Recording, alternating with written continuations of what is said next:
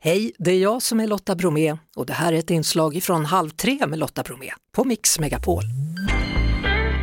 Varmt välkommen till Åsa Orsvärn som är Chief Blender på Blossa. Mm, det.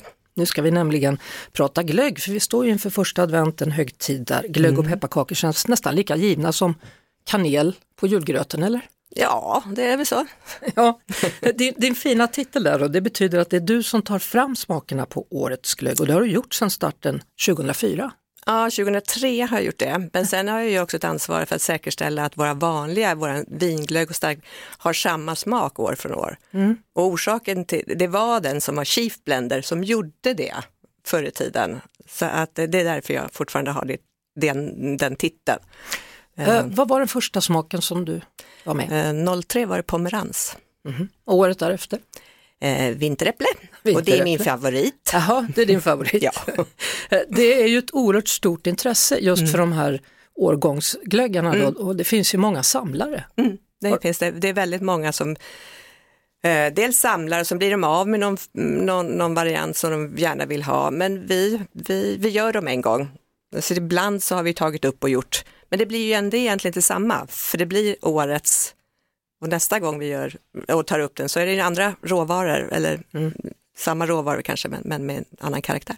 Om, om vi pr pratar om, om glögg då, när jag eh, brukar träffa min gode vän Carl-Jan så brukar han ibland berätta historien om glögg för mig och du, du kan den säkert bättre än vad jag kan men jag har i alla fall fått höra att det ska handla om en sockertopp. Mm, men det, det man gjorde förr i tiden var liksom att man, eh, man hade sockertoppar och så hällde man på sprit och sen tände man så den brann, så alkoholen brann av och sen rann den varma sockerlösningen ner i, i ja, vin eller då, om man går väldigt långt tillbaka, i, i sprit faktiskt.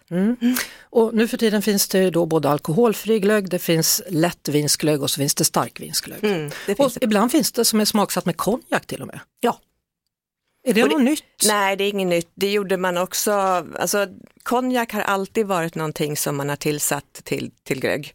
Eh, så, men det brukade kallas, det kallades då, om man går tillbaka i tiden, för champagneglögg. Mhm. Var Det, lite är då finare då. ja, det var då konjaksglögg. Eh, vilka är egentligen de klassiska glöggkryddorna? De klassiska glöggkryddorna det är kanel eller kryddnejlika i kombination med, eh, med någonting annat. Vi använder ju kryddnejlika, ingefära och kardemumma som, som kombination. Årets blossaglögg då heter New Orleans. Mm. Hur skulle du beskriva den smaken? Eh, som en eh, smältdegel. Jaha. Skulle jag kunna beställa, beskriva. Precis som New Orleans, som en smältdegel av eh, influens, eller eh, olika, mm, både kulturer och, och smaker. Och det är tanken med den, att den ska vara väldigt, eh, det, det finns inte en smak som sticker ut, utan det ska vara flera smaker som är en kombination. Eh, men den grundar sig i eh, signaturdrinken Hurricane från New Orleans och eh, cajun och kreolmat. Så där finns det. Ja, det är lite intressant för de senaste tio åren så har ni låtit platser då snarare än rena smaker vara Ja. tema för Ja. årsglöggen. Vad är tanken med det? Tanken är väl det att eh, få en, inspira- ha en, en inspiration.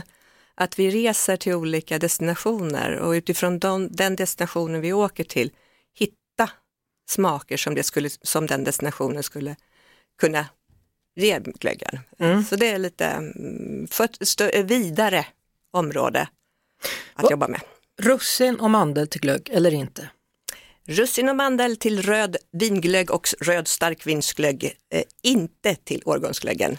Nej, då blir det väldigt mycket smaker på en gång. Ja, då blir det lite mer. Nej, jag tycker ju årgångsglöggen ska gärna drickas rumstempererad eller mm, sval i början på säsongen och sen när, när julen börjar närma sig, då går jag över till traditionell vinglögg och starkvinsglögg.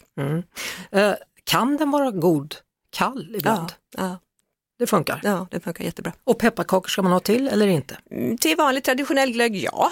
Eh, till årgångsglöggen, mm, går, men jag skulle inte välja det. Jag skulle välja lite andra saker. Jag skulle välja lite nötter och lite annat.